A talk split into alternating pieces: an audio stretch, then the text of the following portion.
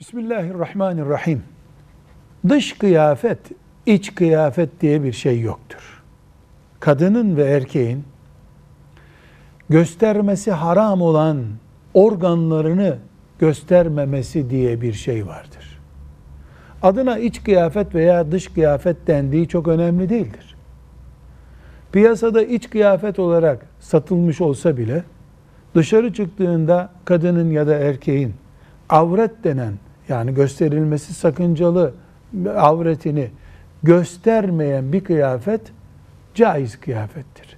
Dış kıyafet bir medenilik açısından, iç kıyafette ev huzuru açısından giyimde tercih edilen bölümün adı olabilir. Önemli olan bizim için Allah'ın göstermeyin dediğini göstermemektir. Kıyafetin adı bizimle ilgilidir. Dinle ilgili değildir.